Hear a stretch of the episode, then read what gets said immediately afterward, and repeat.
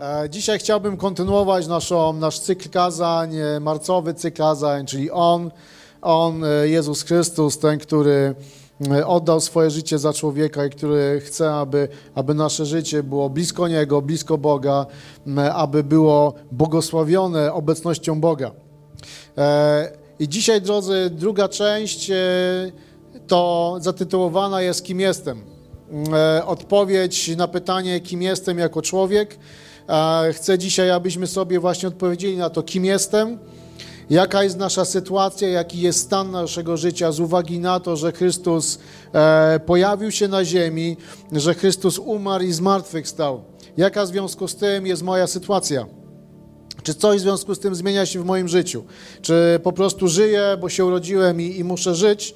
Więc chcę, abyśmy odpowiedzieli na to pytanie, jaka jest nasza sytuacja z uwagi na to, co Chrystus uczynił, e, kim jesteśmy, jaka jest nasza tożsamość, jaka może być nasza nowa tożsamość e, właśnie z uwagi na Chrystusa, właśnie w relacji z Nim. I kiedy mówimy o tożsamości, to właśnie tożsamość to jest wizja własnej osoby, jaką człowiek ma, naszego wyglądu, psychiki, naszego zachowania. Więc e, mogę mieć jakąś, jakąś wizję swojego życia, wizję tego, kim jestem, jaki jestem. Ona może być e, zbudowana poprzez moje przerośnięte ego. Ona może być wizja mojego życia, moja tożsamość może być zbudowana przez doświadczenia e, minionych lat.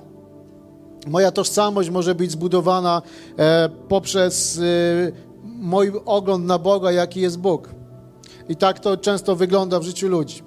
Ale chciałbym, abyśmy dzisiaj zerknęli do kilku wersetów z Pisma Świętego. Głównie zatrzymamy się na liście do Rzymian, dlatego że list apostoła Pawła do Rzymian, rozdziały od 1 do 11, bądźcie spokojni, tylu nie będziemy dzisiaj czytać. Chociaż miałem takie, takie, takie ciągoty, ale się powstrzymałem, żartuję oczywiście. Ale list do Rzymian, właśnie rozdziały, pierwsze 11 rozdziałów, one głównie mówią o tym, co Chrystus zrobił dla człowieka i jaki w związku z tym jest nasz stan, jaki jest nasz status, możemy powiedzieć. I proszę, otwórzmy na początek e, list do Rzymian, 12 rozdział. List do Rzymian, 12 rozdział. Zatrzymamy się tu na chwilę. I apostoł Paweł w 12 rozdziale listu do Rzymian e, mówi, pisze następujące słowa.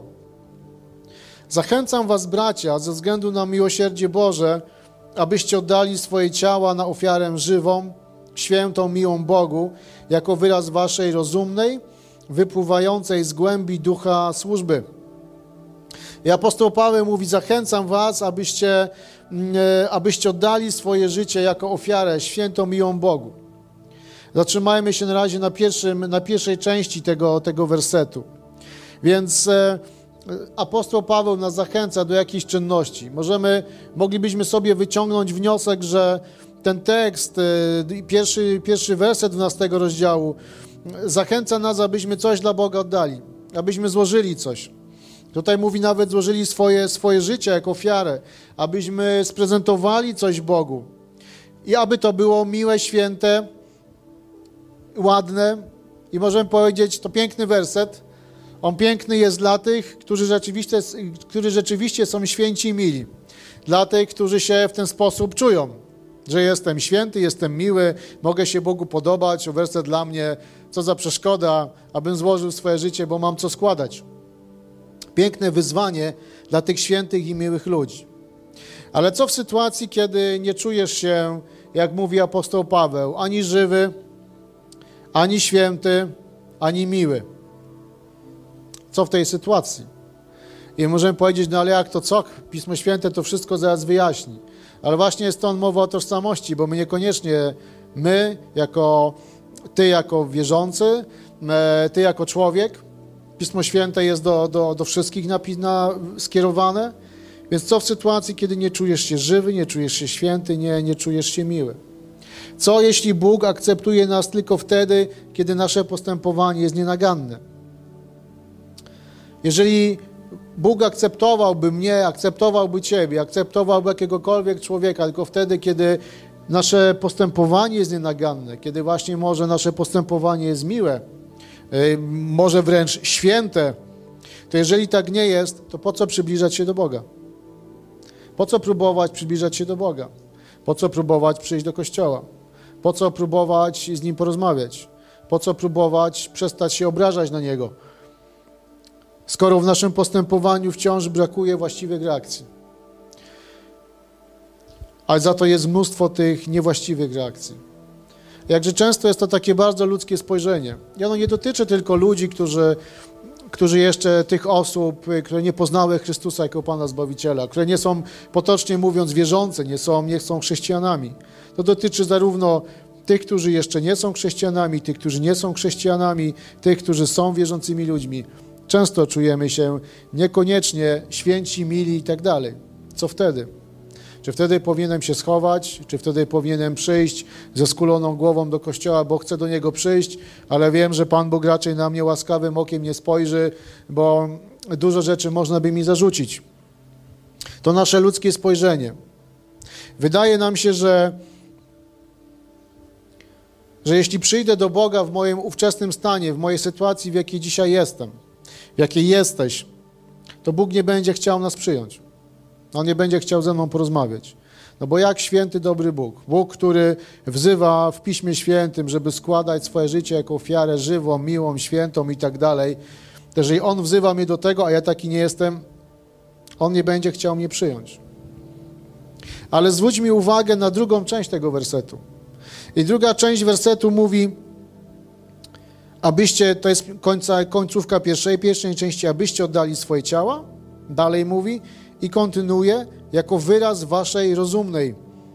Jako wyraz, przeczytam tutaj, jako wyraz waszej rozumnej, wypływającej z, z ducha służby.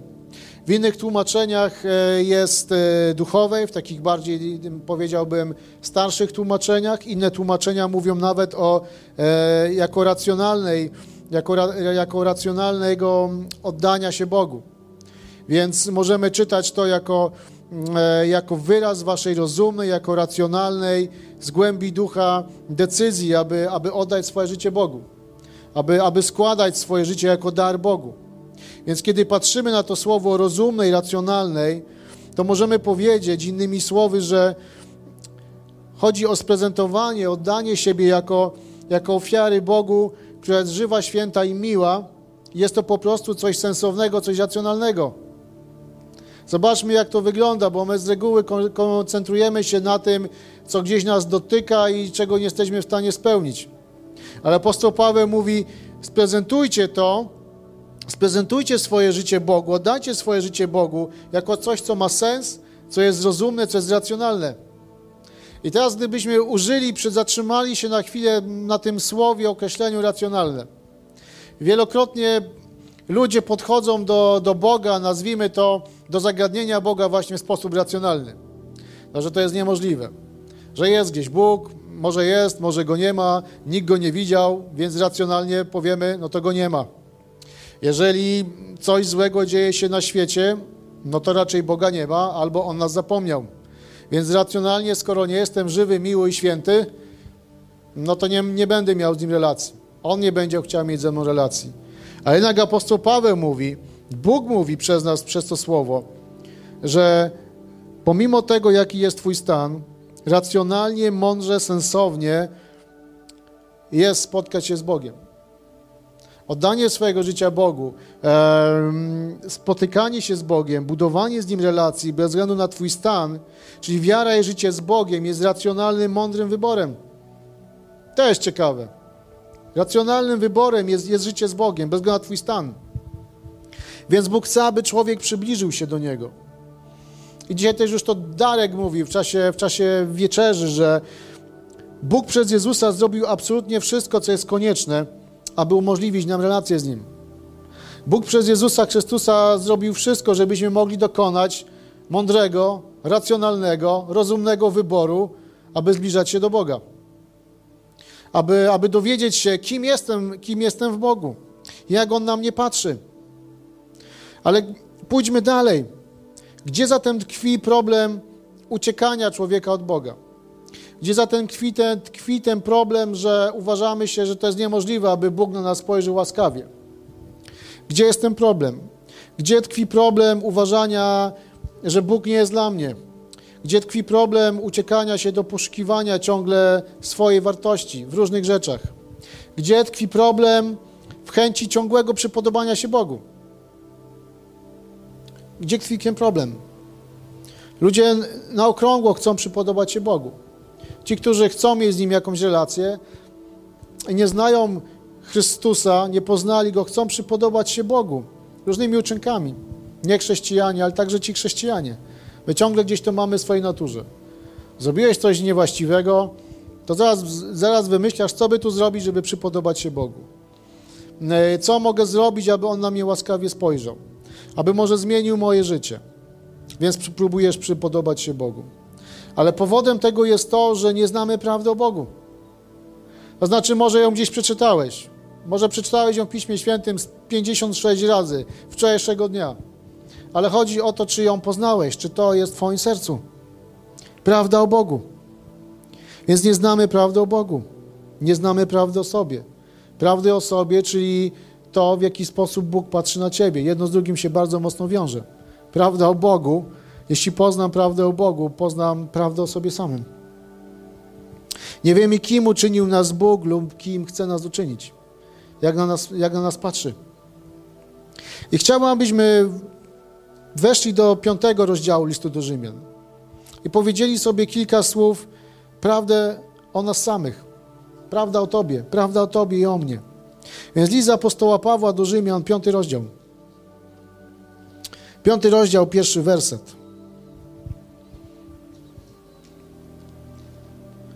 Jest tu mowa o usprawiedliwieniu i za chwilkę pozwolę sobie troszeczkę rozgrzebać to usprawiedliwienie. I piąty, piąty rozdział, pierwszy werset mówi Usprawiedliwieni zatem na podstawie wiary mamy pokój z Bogiem. Stało się to dzięki naszemu Panu Jezusowi Chrystusowi. Usprawiedliwieni na podstawie wiary mamy pokój z Bogiem. Oznacza to, że Bóg raz na zawsze uczynił wierzącego człowieka, tego, który zaakceptował Chrystusa jako Pana Zbawiciela, sprawiedliwymi ludźmi. I usprawiedliwienie powoduje, że zaczyna panować absolutny pokój między Tobą a Bogiem. Zapanował pokój. O tym pokoju też kilka słów za chwilkę powiem. Więc usprawiedliwienie powoduje to, że jest pokój między Tobą a Bogiem, między Tobą a Stwórcą, między Tobą a Zbawicielem. Więc e, to powoduje to, że mogę mieć relację z Bogiem. Ten pokój powoduje usprawiedliwienie i ten pokój powoduje, że nie muszę od Niego uciekać. Że nie muszę spuszczać oczu, spuszczać głowy, kiedy coś nie tak poszło w moim życiu. Pokój powoduje, że nie muszę udowadniać swojej wartości, udowadniać swojej świętości. Że nie muszę różnymi uczynkami udowadniać, że ja to jednak jestem dobry. Że to ja jednak wczoraj w sobotę o godzinie 16.04 mogłem się podobać Bogu. O 17 już niekoniecznie, ale o 16.04 mogłem. Ale właśnie usprawiedliwienie powoduje, że nie musisz tego robić, że masz przystęp do Boga. I apostoł Paweł zaczyna ten werset i mówi usprawiedliwieni. Oczywiście cały testament powstawał w języku greckim i grecka konstrukcja tego zdania dowodzi, że usprawiedliwienie nie jest procesem, ale jest faktem. Stało się. To nie jest rzecz, która trwa. To nie jest trening że kiedy zaczynasz uprawiać jakiś sport, zaczynasz trenować, na początku jest naprawdę źle. Ale po iluś tygodniach, miesiącach jesteś z siebie zadowolony. Czyli osiągasz, gdybyśmy mogli tak to e, sparafrazować, tak to przeprowadzić, że po kilku miesiącach czujesz się usprawiedliwiony, bo wykonałeś tyle dobrych rzeczy. E, tyle rzeczy zmieniłeś. E, nie, usprawiedliwienie jest faktem. To jest jednorazowy akt posiadający konkretne rezultaty.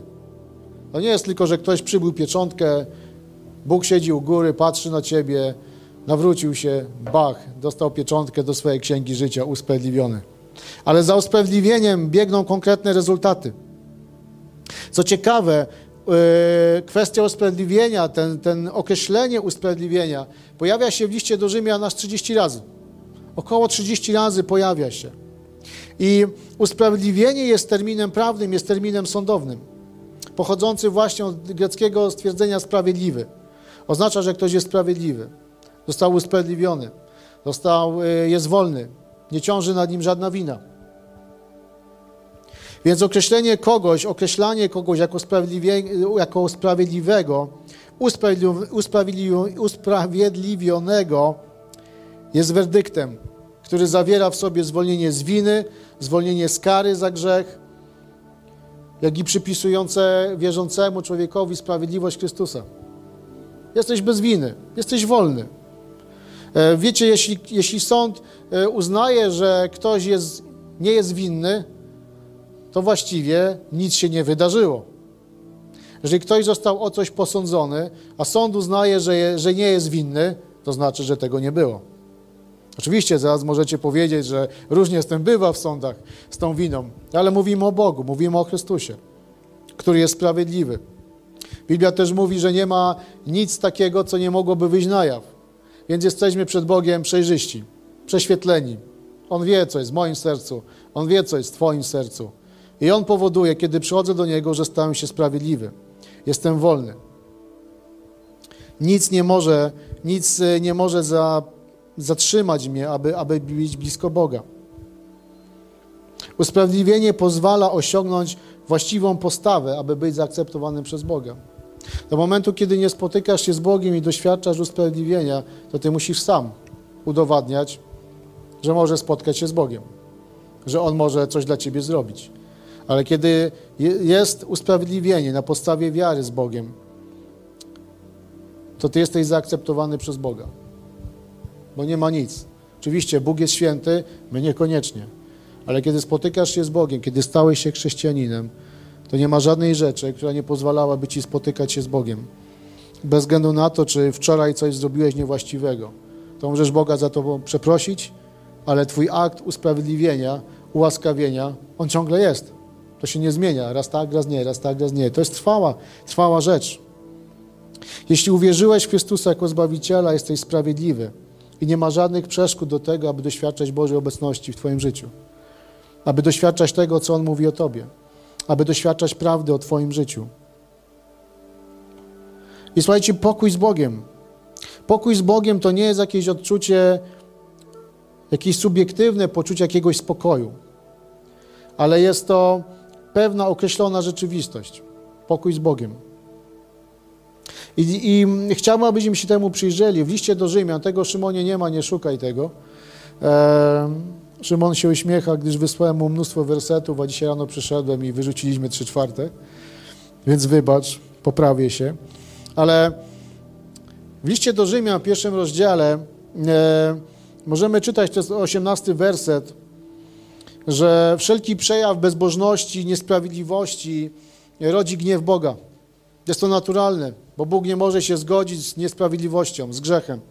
I to rodzi gniew Boga. Czyli wszelki grzech rodzi gniew Boga. Rodzi gniew nieba, jak mówi list do Rzymian. I właśnie pierwszym e, tym rezultatem usprawiedliwienia jest zakończenie wojny człowieka z Bogiem. Bo ty stajesz się w Bożych oczach sprawiedliwym człowiekiem. Więc nie ma już wojny, nie ma gniewu nieba nad tobą za twoje niesprawiedliwe, bezbożne życie. Końcem tego, e, tego pokoju Bożego jest właśnie koniec konfliktu, jest pojednanie z Bogiem. O tym mówi na przykład list do Kolosan, pierwszy rozdział.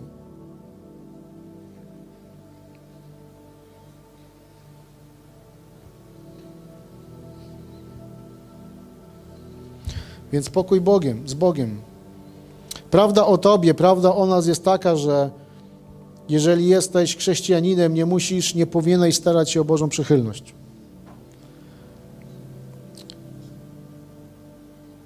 Nie musisz starać się o Bożą przychylność, myśleć, że jesteś niegodny Bożej obecności. Wojna jest zakończona. Jeśli człowiek spotyka się z Bogiem i jest sprawiedliwiony, nie musi już walczyć z Bogiem. Więc jeśli ktoś walczy z Bogiem, to potrzebuje spotkać się, się, się z Bogiem właśnie, pojednać się z Nim. Ale te wersety mówią o tym, że wojna Twoja z niebem jest zakończona.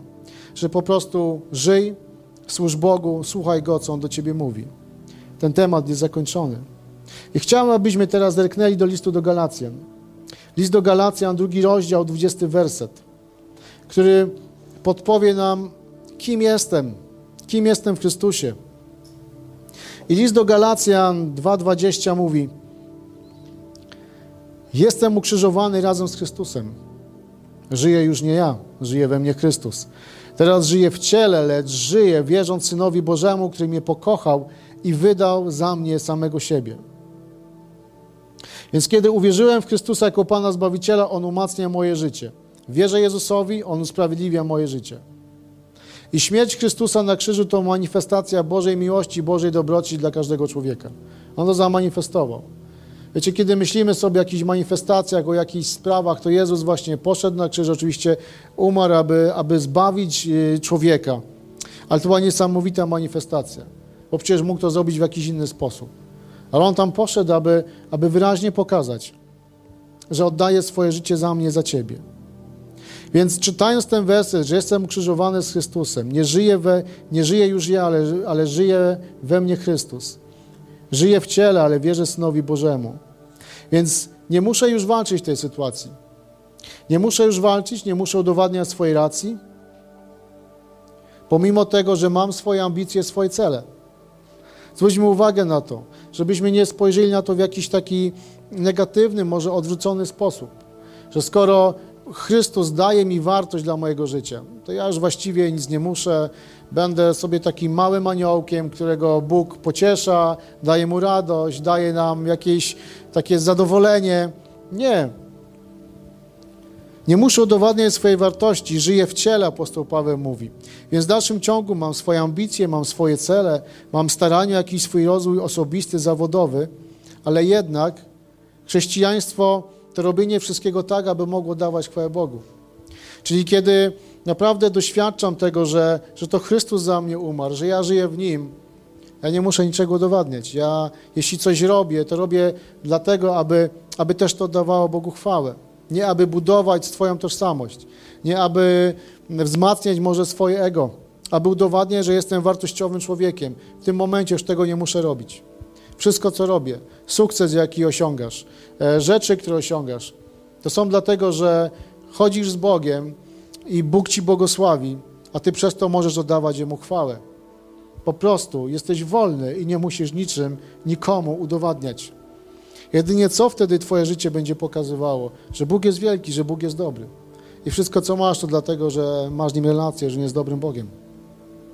Więc chrześcijaństwo to robienie wszystkiego tak, aby mogło dawać Bogu chwałę. Wszystko, co robię, to po to, aby dawać Bogu chwałę, a nie wzmacniało ciągle moje nasycone ego. Chrześcijańskie życie polega na podejmowaniu, nie polega na podejmowaniu szlachetnych wysiłków, aby w Bożym imieniu odrzucić swój negatywny wizerunek. Więc chrześcijańskie życie to nie są szlachetne uczynki, które mają zmienić Twój wizerunek. Ale chrześcijańskie życie to raczej nauka życia przez wiarę w to, kim już dzisiaj jesteśmy. I że nie dzięki staraniom jesteśmy kimś, ale dzięki temu, że Chrystus za, za mnie umarł. Nasze życiowe zwycięstwa, to co osiągamy, nie są uzależnione od szlachetnych wysiłków, bo to, co osiągasz, masz dzięki Bogu. Jego pokój, Jego radość i wiele innych rzeczy. Więc życiowe nasze zwycięstwa nie są uzależnione od szlachetnych wysiłków, bo szlachetne wysiłki kończą się albo samoponiżeniem, albo arogancją.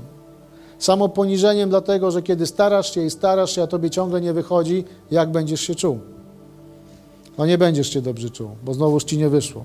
Znowu stwierdzasz, jestem taki, jaki jestem. A arogancją, dlatego że arogancja będzie prowadzić ciebie do wyznaczania jakiejś swojej samosprawiedliwości wobec innych ludzi, będzie prowadziło do poczucia wyższości nad innymi grzesznikami, nazwijmy to, czy ja jestem lepszy, ja jestem doskonalszy, bo przecież ja czynię lepiej od innych ludzi. Właśnie wysiłki, uczynki, szlachetne wysiłki prowadzą do samoponiżenia albo arogancji. I słuchajcie, również te szlachetne wysiłki z jednej strony przymuszają człowieka, który, który to robi, który stara się to wykonywać. Przymuszają do świętości, z drugiej strony wynajdują różne wymówki dla jej braku.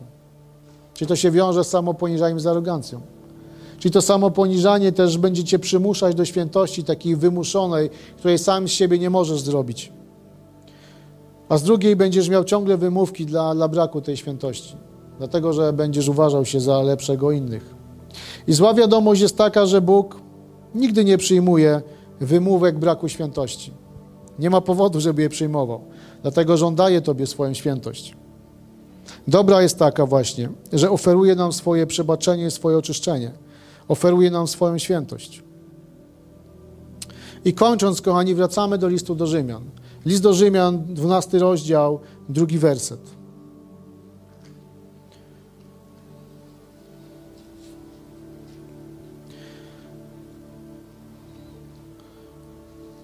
Czyli możemy przeczytać ten pierwszy i drugi.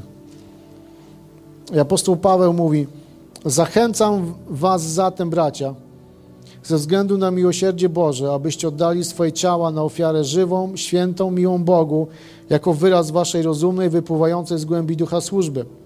I mówi dalej, werset drugi. Nie podporządkowujcie się już wzorcom tego wieku. Niech Was przeobraża nowy sposób myślenia nie podporządkowujcie się już wzorcom tego wieku. Niech was przeobraża nowy sposób myślenia, abyście potrafili rozpoznać, co jest wolą Bożą, co jest dobre, przyjemne i doskonałe. Więc apostoł Paweł najpierw mówi: Zachęcam was, abyście oddali swoje życie jako ofiarę miłą, świętą Bogu, jako coś, co jest, y, co jest mądre, co jest racjonalne, co jest rozumną decyzją. I nie podporządkowujcie się tym, co jest, co jest wokół was nie podporządkowujcie się i mówi, niech was przeobraża nowy sposób myślenia. To może właśnie zacznij dzisiaj myśleć o sobie w nowy sposób. Zacznij patrzeć na siebie tak, jak patrzy Chrystus. Może jeśli jest jakiś, jakiś ból, jakieś cierpienie w Twoim życiu z uwagi na to, co kiedyś się wydarzyło, to apostoł Paweł mówi, niech Cię przeobrazi nowy sposób myślenia. Abyś potrafił rozpoznać, co jest Bożą wolą, co jest dobre, przyjemne, doskonałe. Wiecie, to jest chyba największy wysiłek, największe wyznanie dla człowieka. Zacząć myśleć w taki sposób, jak Bóg myśli o Tobie. Aby On mógł błogosławić i zmieniać Twoje życie. Aby móc y, zostawić zranienia. Możesz powiedzieć, ciężko je zostawić. Tak, to nie jest tak, że tak pryśnie jak bańka mydlana, ale kiedy zaczniesz myśleć w ten sposób, że, że Chrystus nadaje wartość Twojemu życiu, to zacznie się zmieniać. Więc kiedy czytam ten werset drugi, to zachęca mnie to do tego, aby, aby odkrywać i przyjmować to, kim Bóg przez Jezusa Chrystusa Ciebie uczynił, co Ci podarował. To jest odkrywanie. I wierzę, że jako, jako ludzie, dlatego że Chrystus umarł za każdego człowieka, jest to racjonalnym wyborem, aby zacząć to odkrywać. Jeśli jestem chrześcijaninem, to racjonalnym wyborem jest to, aby też odkrywać to, co Chrystus dla Ciebie uczynił co Tobie podarował, co chce wkładać do Twojego życia, co, jaki, jakie jest Twoje powołanie. Kiedy czytam ten tekst, on mnie też zachęca do tego, aby, aby oprzeć swoją wartość na Bogu, a nie na doświadczeniach z przeszłości.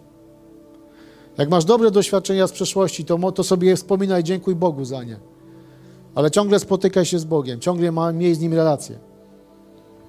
Abyś na bieżąco wiedział, co Bóg mówi do ciebie, co Bóg mówi o tobie, co Bóg mówi o danej sytuacji, w jakiej jesteś. A jeśli masz złe doświadczenia z przeszłości, to apostoł Paweł mówi, nowy sposób myślenia, abyś poznał Bożą wolę dla twojego życia.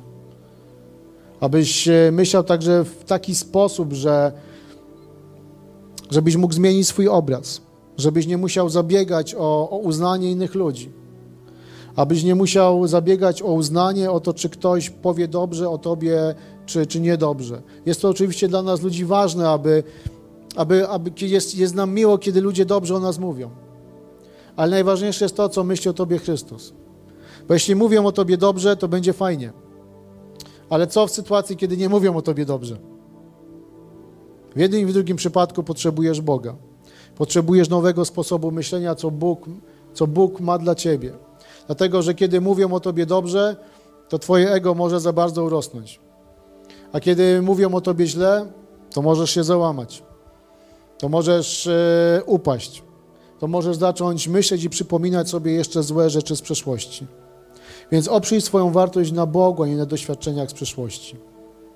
Chciałbym, Kościele, abyśmy mogli wstać, a czy możemy zagrać na koniec do krótkiego wielbienia, do modlitwy?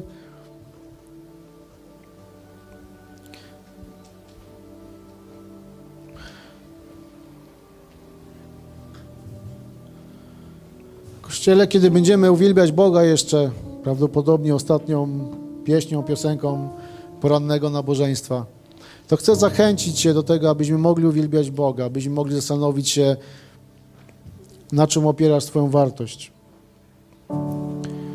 Jaki jest Twój obraz? Czy Twój obraz jest zniszczony przez coś, przez jakieś wydarzenia z przeszłości? Abyś mógł to Bogu dzisiaj wszystko zostawić, wszystko oddać.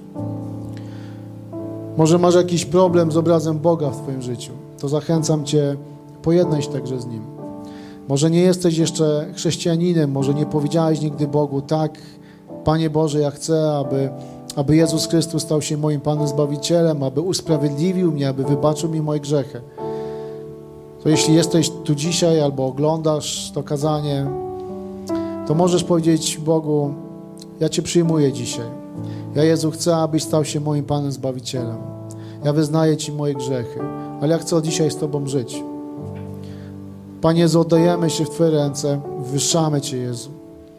Tak, Panie Jezu, chcę modlić się dzisiaj, dziękować Ci za to, że Ty dałeś nam ludziom usprawiedliwienie, że Ty umarłeś, zmartwychwstałeś, przynosząc nam ludziom usprawiedliwienie, że jesteśmy wolni, że nie ma żadnych przeszkód, aby mieć relację z Tobą, że nie ma żadnych przeszkód, abyś Ty nadawał wartość naszemu życiu, że nie musimy walczyć z Tobą, nie musimy walczyć z ludźmi, nie musimy chodzić ze spuszczoną głową, patrząc na to, jak wygląda nasze życie. Dzisiaj, Panie, modlimy się o to, aby, aby nasza wartość była zbudowana na Tobie. Dzisiaj modlę się z tymi, którzy potrzebują pojednać się z Tobą, aby doświadczyć tego usprawiedliwienia. Dzisiaj, Panie Jezu, modlę się z tymi, którzy potrzebują odbudować swoją wartość. Potrzebują spojrzeć, kim Ty jesteś. Jaki Ty jesteś, co Ty mówisz o nich. Dzisiaj, Panie, także chcę modlić się z tymi osobami, które mają złe doświadczenia z przeszłości. Może nawet z dzieciństwa, z ranienia. Dzisiaj, Panie, chcę prosić o to, abyś Ty zabierał to. Abyś Ty leczył ich serca, leczył ich, ich, ich duszę, leczył ich myśli. I proszę Cię, Panie Jezu, tak jak czytamy w drugim wersecie listu do Rzymian 12 rozdziału, abyśmy zaczęli w nowy sposób myśleć, taki jak Ty patrzysz na nas. Oddajemy się w Twoje ręce, Panie. Niech Twój pokój, niech Twoja przemiana następuje dzisiaj w tym miejscu. Oddajemy Ci chwałę, jest. Amen. W trakcie tej pieśni, jeśli będziecie pragnęli, potrzebowali jakiejś indywidualnej modlitwy, to zachęcam Was. Oddawajmy Bogu chwałę.